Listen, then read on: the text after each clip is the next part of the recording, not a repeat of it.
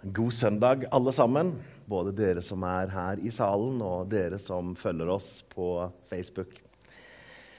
Takk for eh, invitasjonen til å være med og forkynne Guds ord i dag. Det har jeg gleda meg til. Jeg har eh, akkurat lagt bak meg en uke nå i P7 hvor, eh, hvor jeg har vært verden rundt.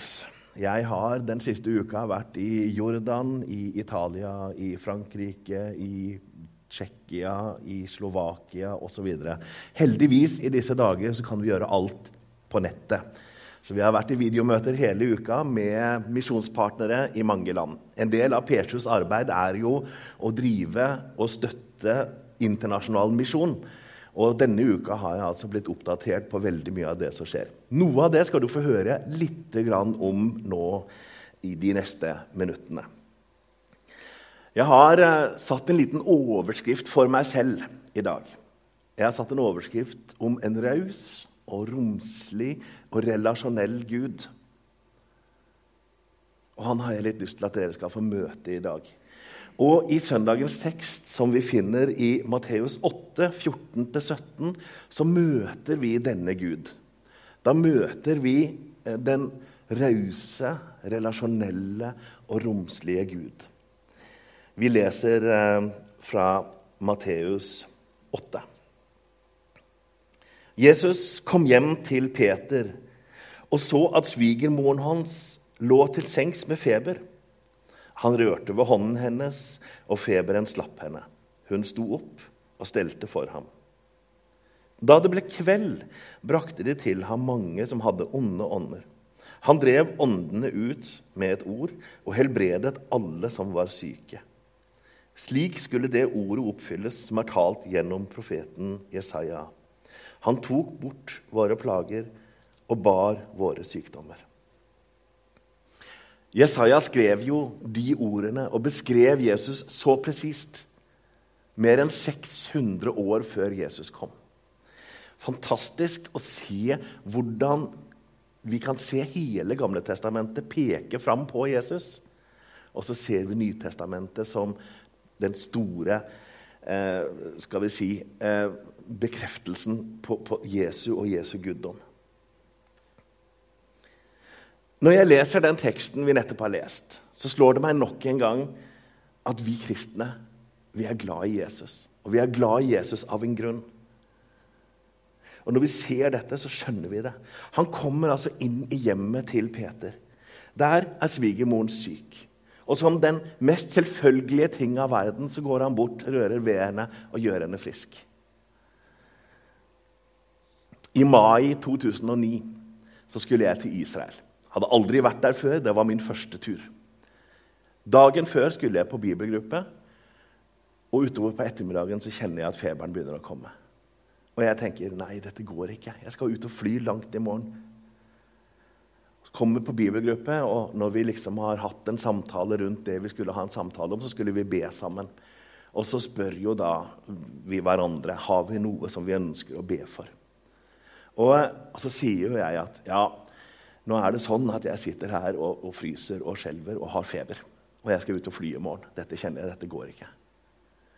Og så gjør en av de andre i bibelgruppen han sier det at ja, men det står i ordet at vi skal kunne be for hverandre også om sånne ting. Så kommer han bort og legger hendene på meg og ber. Idet han legger hendene på meg og begynner å be, så bare kjenner jeg en voldsom, intens varme i hele kroppen. Jeg begynner å grine, han begynner å grine. Ingen av oss forstår hva som skjer. Etterpå så sier han jeg skjønte ikke bæret av hva som skjedde. Jeg hadde ikke tro på dette for et jeg har bedt for så mange mennesker som har vært syke. Det har aldri skjedd noe. Dette hadde jeg ikke mye tro på. Og jeg sa jeg har blitt bedt for mer enn én en gang. Dette hadde jeg ikke mye tro på. Men Gud kan gjøre det. Denne historien om at, inn, nei, at, Jesus kommer inn til Peters svigermor og bare rører ved henne, den blir litt spesiell for meg med det bakteppet. Men eh, tilbake igjen. Har vi tatt inn over oss hvordan Jesus ber oss om å leve med han som forbilde. Slik min venn i bibelgruppen gjorde. Har vi tatt det inn over oss at han er forbildet vårt? Tenk litt på hva han gjør her. Han kommer altså inn, han tar imot alle som vil komme. Han er gjestfri og raus. Og han er omsorgsfull. Han er nådig. Eh, forbilde. I Johannes 9, 5, så sier Jesus at han er verdens lys så lenge han er her på jord.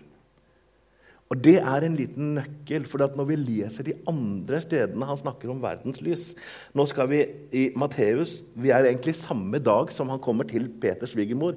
Dette er en del av bergprekenen. Og Jesus kom altså hjem til Peter etter å ha vært på fjellet og holdt bergprekenen.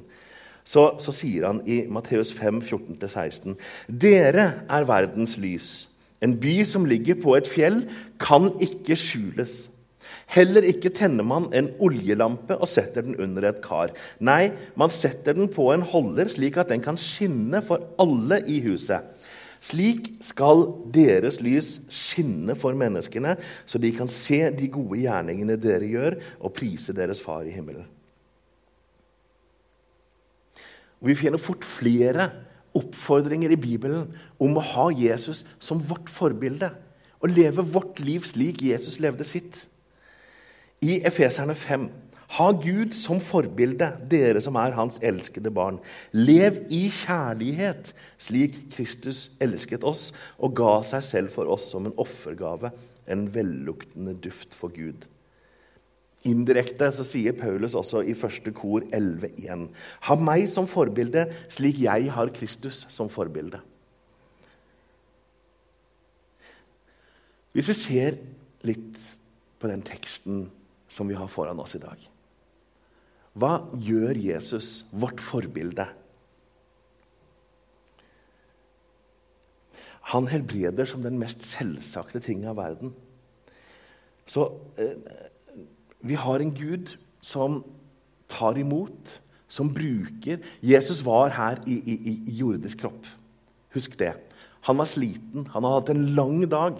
Han har vært omgitt av mennesker hele dagen. Jeg har hatt noen sånne dager selv, og jeg syns det er deilig når jeg da kan komme hjem og være aleine og slenge beina på bordet. Hva er det Jesus gjør? Han ser at det er folk som har behov. Og han møter disse menneskene. Han tar dem inn, han er inkluderende, og han hjelper dem. Det er en mann med stor omsorgsevne. Det er en mann med inderlig medfølelse med sine medmennesker forbildet vårt, Jesus, han er altså relasjonell og omsorgsfull. Han er ikke kranglende. Han er ikke veldig til å diskutere. Han kan nok gjøre det også. Og han er tydelig på hva han mener. Men hovedbildet av Jesus er det som vi får i teksten her, som den inkluderende og rause Gud. Han er en gud som søker å utvide sitt rike. Guds rike. Um, og hvor er vi? Er vi der at vi tenker at det er Guds rike som står i sentrum? Eller har vi sett oss litt blind på det vi holder på med lokalt? Er min jobb å få P7s rike til å bli størst mulig? Er IMF Straumes jobb å få IMF Straumes rike så stort som mulig? Eller er vi sammen i det å bygge Guds rike så stort som mulig? Vi har, vi som lever etter syndefallet, har jo den syndige naturen i oss. En del av den syndige naturen handler litt om egoisme. Den handler om ærekjærhet. Den handler om at ah, 'jeg har lyst til å få det til', 'jeg har lyst til å få anerkjennelse'. Sånn er vi. Um, sånn var ikke Gud. Jesus kunne ha levd et liv på jorden hvor han fikk rikelig med anerkjennelse. Og, og, han kunne ha fått makt, han kunne ha fått myndighet jordisk sett langt utover det han fikk.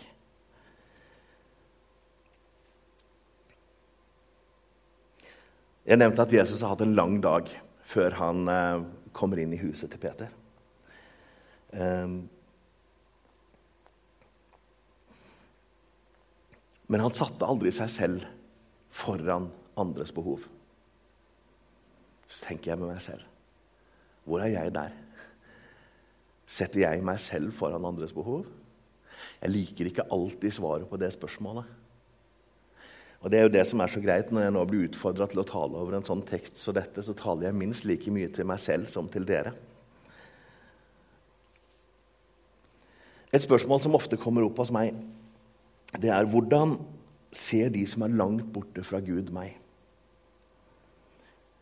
Hvordan tror du svarene ville blitt hvis du hadde tatt deg en tur bort på Sartor senter, en halvannen kilometer den veien?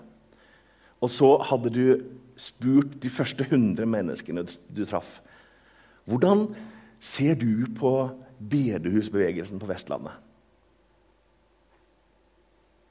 Opp med hånda, du som tror at de svarene du ville fått, ville vært preget av raushet, inkludering, godhet, nestekjærlighet.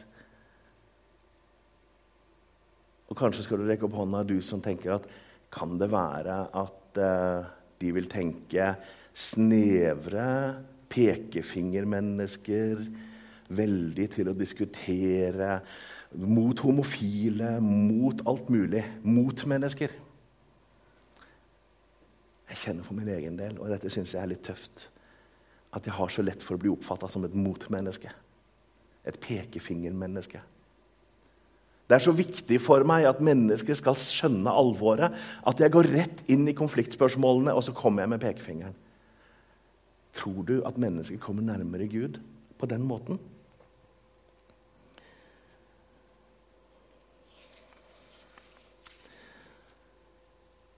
Vi er nokså gode på å ta de teologiske, diskus de teologiske diskusjonene. Og ikke misforstå meg, jeg tenker at de er viktige. Men vi må tenke litt på hvilke forum vi bruker. Vi er nokså gode på å undervise om hvordan vi skal leve livene våre. Og jeg sier ikke at det er uviktig, men igjen hvilke forum bruker vi? Og nå kaster jeg stein i glasshus. For nå bruker jeg akkurat det forumet jeg er litt skeptisk til å bruke til å undervise. Ehm, jeg tenker, Er det i avisspaltene, i debattprogrammene og i møte med sekulære mennesker at vi skal fremheve disse teologiske stridsspørsmålene? Eller skal vi prøve å bruke de arenaene vi kan, til å gjøre mennesker kjent med den Gud som vi er så glad i? Fordi at han er kjærlig, fordi at han er raus, fordi at han på tross av alt det du har gjort, og alt det jeg har gjort, fremdeles elsker oss og sier at 'min nåde er nok for deg'. I dag skal du få være min venn. Du skal være min bror. I dag har du arverett til himmelen. Jeg har gjort alt som er nødvendig. Det er jo den Jesus vi elsker. Hvor blir det av den Jesus i diskusjonene våre? Så tenker jeg Selvfølgelig skal vi undervise, men de er veldig til internt bruk. Tenker jeg. Det viktige jobben vi har å gjøre, det er å gjøre mennesket kjent med den kjærlige Jesus. Den Jesus som elsker oss så høyt at han valgte å komme til jord og leve et liv og bli prøvd i alt som vi ble prøvd i. Han ble møtt av mennesker som så ned på han fordi han var jøde. Han fikk altså oppleve rasisme. Han opplevde å leve med myndigheter over seg som var undertrykkende. Han fikk prøve sult, han fikk prøve å være sliten, han fikk prøve å ikke høre til. Han var borte fra sin egen familie. Alt dette har Jesus prøvd på kroppen. Og han klarte å leve det perfekte, syndfrie liv gjennom alle disse utfordringene. Og Når han da gikk opp til Golgata og døde en synders død, så er dette det som vi trenger å forklare til mennesker. Han døde for deg. Han døde som deg for at du skal slippe. Du skal få lov til å komme til Jesus og si at 'her er jeg'. Med alt mitt, med alle mine feil, med alle mine mangler. Her er jeg. Og du skal være trygg på at Jesus sier, så godt at du kom. Du er min bror. Du er min søster. Du er mitt barn, sier Gud. Fordi at du kom til meg nå, så har jeg gjort i stand en plass til deg i himmelen. Og der skal vi være sammen i evighet når den tid kommer. Og underveis her på jorden så skal jeg vise deg hvordan du på best mulig måte kan få et godt liv på jorden. Tenk om vi klarer å formidle den Jesus og den Gud til menneskene rundt oss.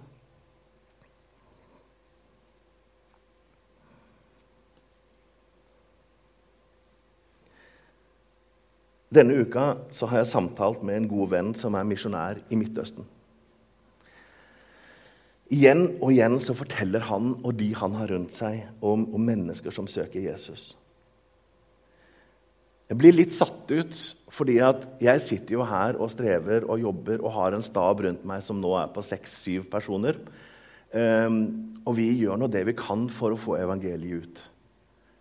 Og så sier da min gode venn i Midtøsten at han nå har ti mennesker som sitter fulltid. Dels som frivillige, og noen får litt lønn. De ti menneskene sitter fulltid og gjør én ting. De besvarer henvendelser via WhatsApp, Facebook og alle disse andre plattformene fra muslimer som er nysgjerrige. For de har fått høre om en Jesus som elsker dem, en Jesus som gir dem verdi. Kvinner i Midtøsten som lever under regimer og kulturer hvor kvinner ikke har noen verdi, får høre at du er uendelig verdifull. Og de blir nysgjerrige. Ti mennesker på fulltid sitter og besvarer spørsmål og henvendelser fra disse. Og mange kommer til tro. I hopetall. Det foregår en stille vekkelse i Midtøsten Enormt mange muslimer kommer til tro på Jesus. For de skjønner at det er jo her Gud er. Det er jo dette som er Gud. Det jeg har blitt forkynt opp igjennom, det holder ikke vann. For det er Gud og Jesus som er Gud. Ti mennesker på fulltid. Det setter meg litt i, i perspektiv. Og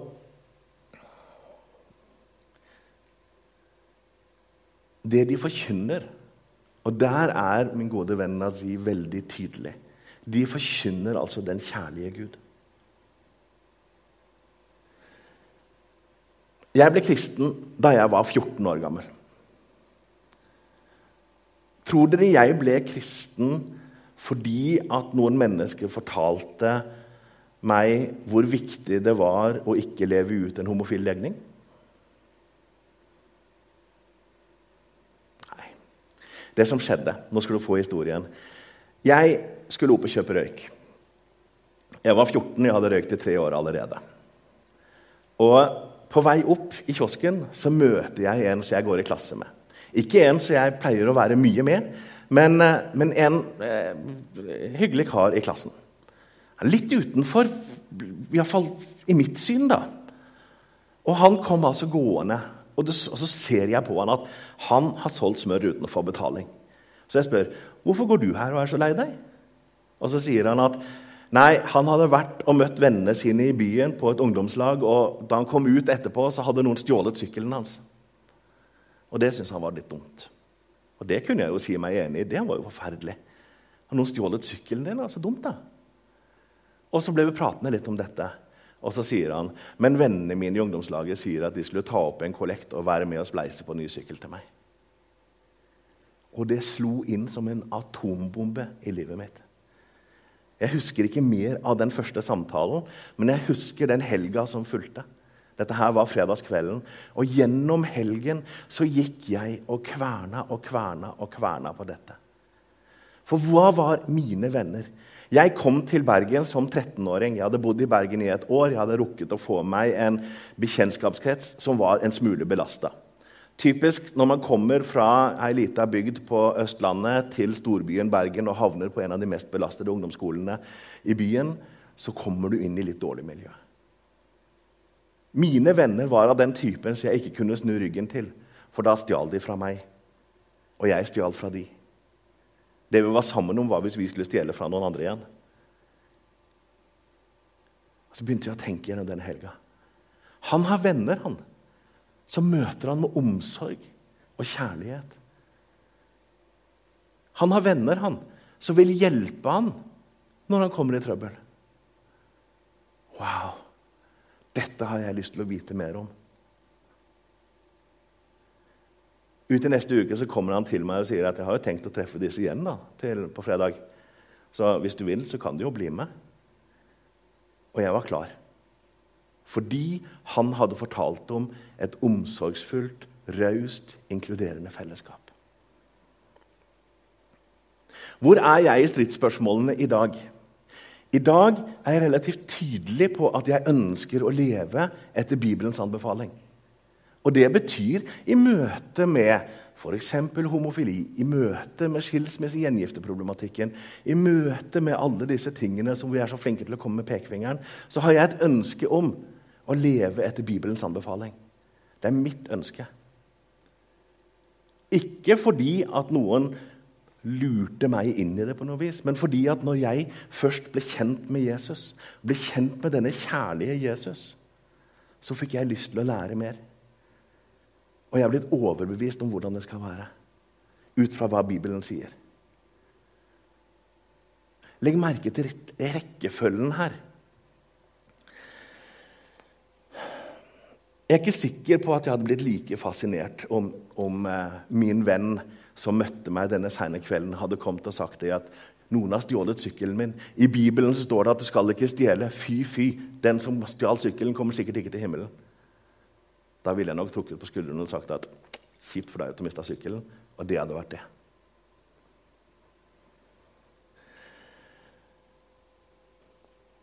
Etter hvert som jeg ble nysgjerrig, så begynte jeg å lese i Bibelen også. Bibelen var relativt fremmed for meg. Men så møtte ordene meg i apostelgjerningene 2. De har vært viktige for meg siden. Apostelgjerningene 2, 43-47. Den første kristne menighet. Nå har altså Ånden kommet, og de første kristne har funnet sammen. De holdt seg trofast til apostlenes lære og fellesskapet, til brødsbrytelsen og bønnene. Hver og en ble grepet av ærefrykt, og mange under og tegn ble gjort av apostlene. Alle de troende holdt sammen og hadde alt felles. De solgte eiendommene sine og det de ellers eide, og delte ut til alle ettersom hver enkelt trengte det. Hver dag holdt de trofast sammen på tempelplassen, og i hjemmene brøt de brødet og spiste sammen med oppriktig og hjertelig glede. De sang og lovpriste Gud og var godt likt av hele folket.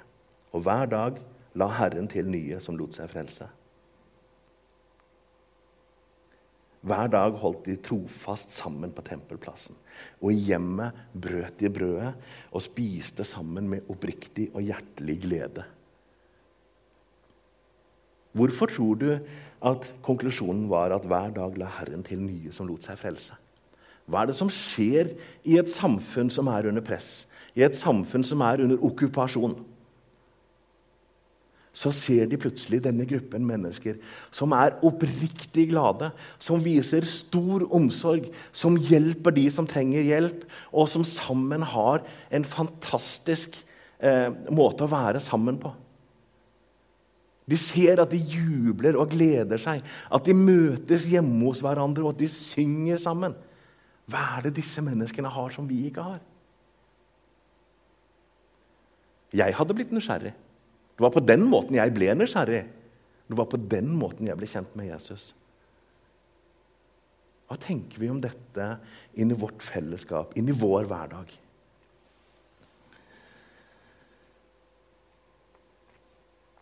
Jeg sier ikke at undervisning om alt mulig er feil. Selvfølgelig ikke. Men det er litt internt. Det er ikke evangeliserende. Skal ikke vi leve livene våre mer evangeliserende?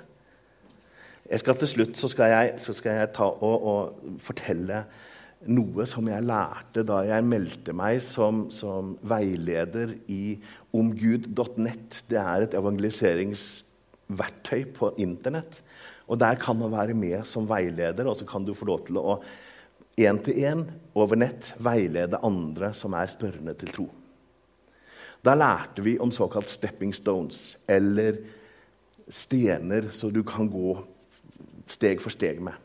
Tenk deg at du står på siden av en stri elv. Gjennom elva så går det en del steiner. Du vet ikke hva som er trygt å tråkke på og ikke, og det kan være litt skummelt å tråkke feil. På den andre siden så står det en som du ønsker at skal komme over på din side. Ser du bildet? Hvis du da forteller vedkommende som står på andre siden 'Hei, du, det ligger en stein her, rett foran meg. Tråkk på den.' Det er 35 meter, men han kan tråkke på den. Vil det være hjelpsomt? Vil du hjelpe han nærmere hit? Tenk deg at Den steinen der det er en sånn undervisningsstein om teologiske ting som vi syns er viktig etter hvert som vi skjønner at vi ønsker å leve slik Bibelen sier. Og Det nytter kanskje heller ikke å fortelle han at du, der borte, hvis du går på den og den og den og den steinen Det er ikke sikkert at han tør å gjøre det. Det er litt dårlig veiledning. Men hva om du, som kan veien, går den andre veien over elva? Så kommer du der han er. Det er ikke den siden av elva du har lyst til å være på. Men det er der du må møte din venn.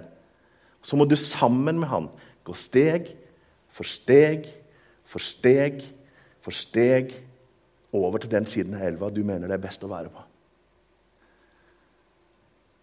Om din nabo er en sånn nabo som fester høylytt hver lørdagskveld Du irriterer deg grønn fordi at du vil gjerne sove, for du skal tidlig opp og pynte deg og gå på møte. Og der er det musikk og skrik og skrål. Tror du at denne naboen din kommer nærmere Jesus ved at du hver søndag morgen klokken ni går bort og ringer på døra og sier at 'sannelig, sannelig sier jeg deg' Jeg tror kanskje ikke at naboen kommer så mye nærmere Jesus med det. Tror du at hvis du hadde gått ut av din egen komfortsone og takket ja til invitasjonen til å være med der på lørdagskvelden Sier ikke at du skal drikke deg tullete, men kanskje skal du være til stede. Kanskje skal du være en del av det miljøet. Kanskje skal du takke pent for at han inkluderer deg. Og kanskje kan du da en mandagskveld gå en spasertur med han. Kanskje kan du hjelpe han med et eller annet. Kanskje kan han komme og hjelpe deg med noe. Han er nemlig praktisk anlagt, denne naboen. Kanskje skal du begynne der. Og så kan du satse på at det livet du lever, det skal vekke litt nysgjerrighet hos han. Kanskje skal naboen din skjønne at hva er det han har, som jeg ikke har? Skjønner dere bildet? Så tenker du dette kan være vanskelig. For jeg er ikke den typen der. Jeg fikk av den samme vennen fra, fra, fra, Midtøsten så fikk jeg et bibelvers denne uka. her, og Det har jeg tenkt litt på. Det har jeg lyst til å dele som det siste jeg deler med dere nå. Dommerne 1, 1-4. Da Josva var død, spurte israelittene Herren, hvem av oss skal dra først opp og kjempe mot kananeerne? Herren sa, Juda skal dra opp. Jeg gir, landet, jeg gir landet i hans hender. Altså, Juda har fått løftet fra Gud, han har fått oppdraget fra Gud. Så sier Juda til sin bror Simon, Kom med meg opp til min del av landet, og la oss kjempe mot kananeerne. Så skal jeg gå med deg til din del av landet. Og Simon gikk med han. Så mye lettere ting blir når vi gjør ting sammen. Så mye mer kraftfull ting blir når vi gjør ting sammen. Kanskje skal du og din kristne nabo invitere til nabolagsfest. Ikke for å stå med Bibelen i hånda og forkynne 'sannelig, sannelig sier jeg deg', men rett og slett for å være en god nabo, en god venn. Er det et sted å begynne? En tanke fra meg. Jeg ser klokka går fort. Jeg har lovt eh, Odd Bjarno ikke å holde på så lenge som jeg har gjort nå, så da får jeg vel la være å holde på så lenge. Men til sist Hvis vi går, kanskje ikke aleine, men vi går sammen så vet vi at Gud er med oss. For dette er det oppdraget vi har fått. Vi skal gå ut og fortelle mennesker om en god, kjærlig, raus og romslig Gud. Og vi skal gå til naboene våre. Vi skal gå til lokalsamfunnet vårt. Vi skal gå til landet vårt. Vi skal gå til hele denne verden og forkynne dette gledens budskap. Vi trenger ikke å være enige i alt.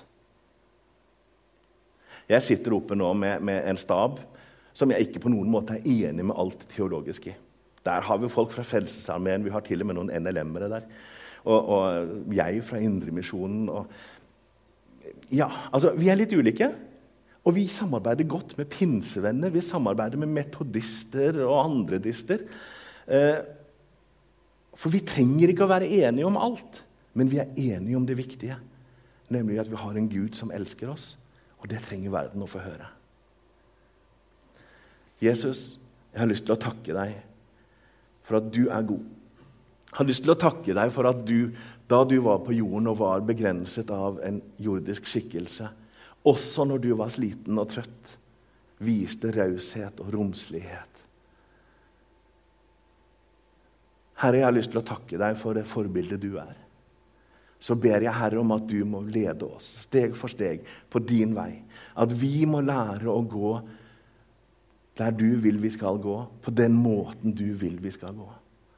Herre, hjelp oss å, å bruke energi på å, å fortelle om deg som en kjærlig Gud. Gjennom livet vårt og gjennom ordene våre. Herre, hjelp oss å presentere deg på riktig vis til mennesker som ikke kjenner deg. Herre, takk for at du er med. Takk for at du er til stede her. Herre, må du velsigne hver enkelt en som har hørt disse ordene. Så må det som er fra deg, far, det må du la festes og slå rot. Det som bare er mitt tankespinn, det Herre, håper jeg at du lar mennesker glemme. Amen.